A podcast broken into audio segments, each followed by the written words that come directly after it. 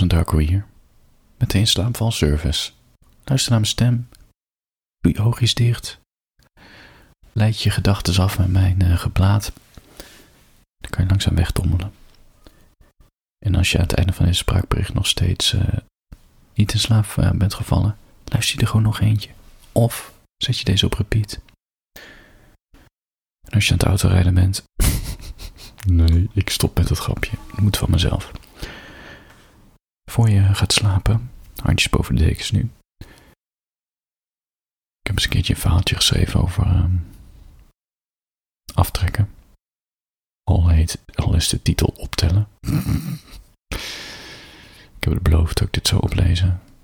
Ik heb altijd getwijfeld omdat hij zo direct is en misschien wel ja, te. Het is niet zo zacht of zo. Maar ja, tegelijkertijd. Boeien. Ik ga er niet vanuit dat mijn moeder luistert. En zowel, oortjes dicht nu. Nee, voor je gaat slapen. Ik ga hem even oplezen. Het verhaaltje het optellen.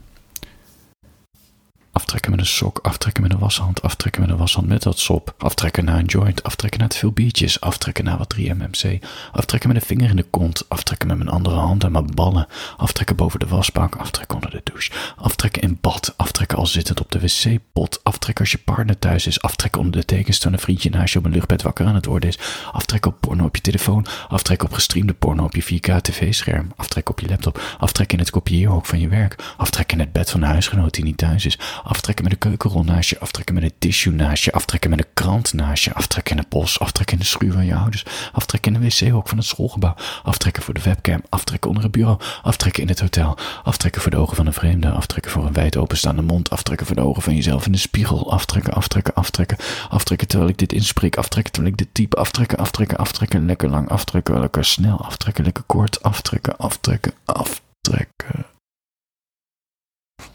Voor je gaat slapen.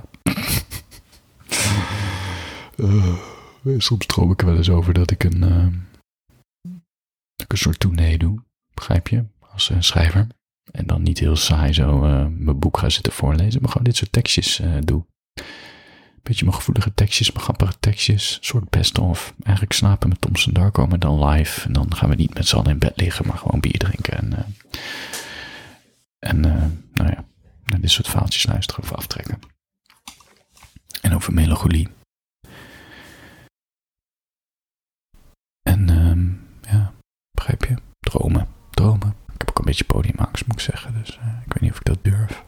Niet eens de podiumangst, maar meer, ja, dan kijk ik opeens jou in de ogen aan. Dat vind ik toch een gek idee. Ook toch een beetje onzeker van, merk ik. Weet ik niet zo goed hoe ik me moet gedragen. Ja, als jezelf, maar op een of andere manier krijg ik daar gewoon erg van, snap je? voor je gaat slapen.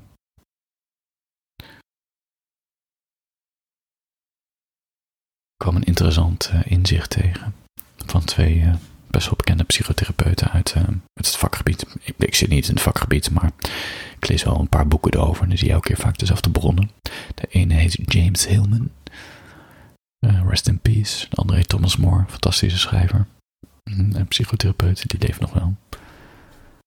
En in een van die.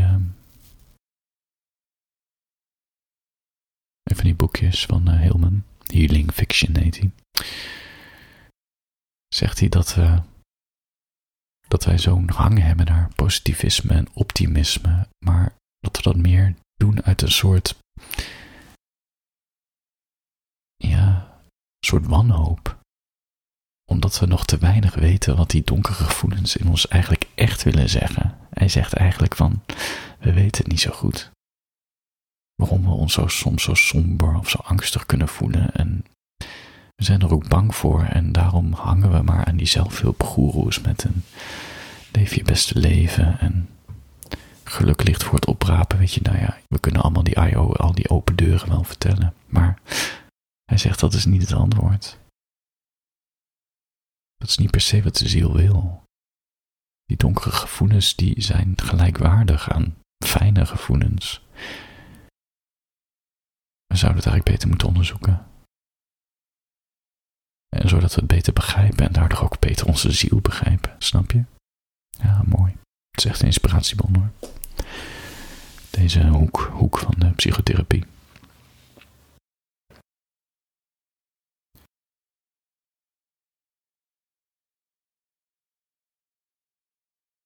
En om nog even mijn goede oude vriend Schopenhauer, rest in peace, Schopenhauer, Duitse filosoof, 19e eeuw, die zegt de wereld waarin je leeft hangt af van hoe je de wereld opvat. En dat is ook wel weer waar. Maar het bijt wel met denk positief en de wereld is positief. Ik, uh, ik denk dat er een heel groot verschil zit tussen denken en voelen, snap je? Tussen het zeggen en voelen eigenlijk. Je zegt het, maar je denkt en voelt het niet. Ik zie toch veel meer de grijsheid en de rauwheid van de wereld. En ik zie ook verdriet en hoop en positivisme ook, maar ja.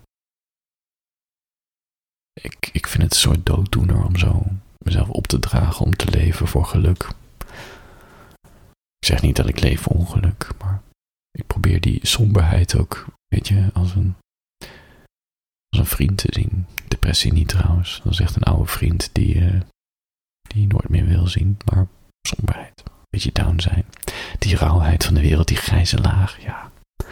Zo erg is het allemaal niet hoor. Het is ook soms zoals het is. Dit is ook het leven. Met een eindstation, dat dan weer wel.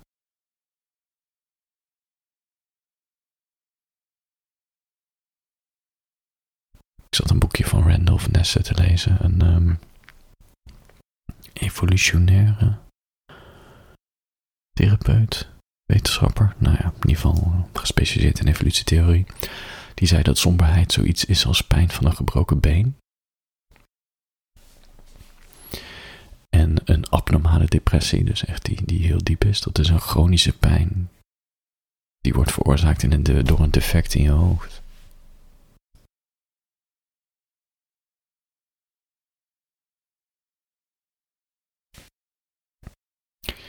Sorry, door een defect dat. Uh, ik zit even de code bij te halen. Door een defect in het mechanisme dat de pijn reguleert. Dus eigenlijk voel je meer pijn dan nodig is.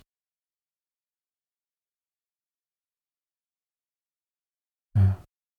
De somberheid is oké. Lijkt me logisch als je een gebroken been hebt dat je pijn voelt.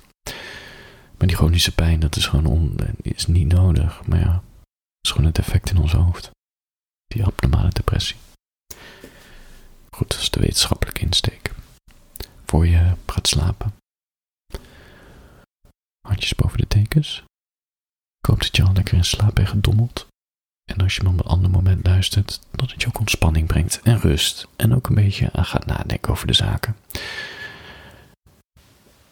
Ik kan nog steeds niet geloven dat ik net al eigen verhaaltje voorgelezen over optrekken en aftellen. Uh.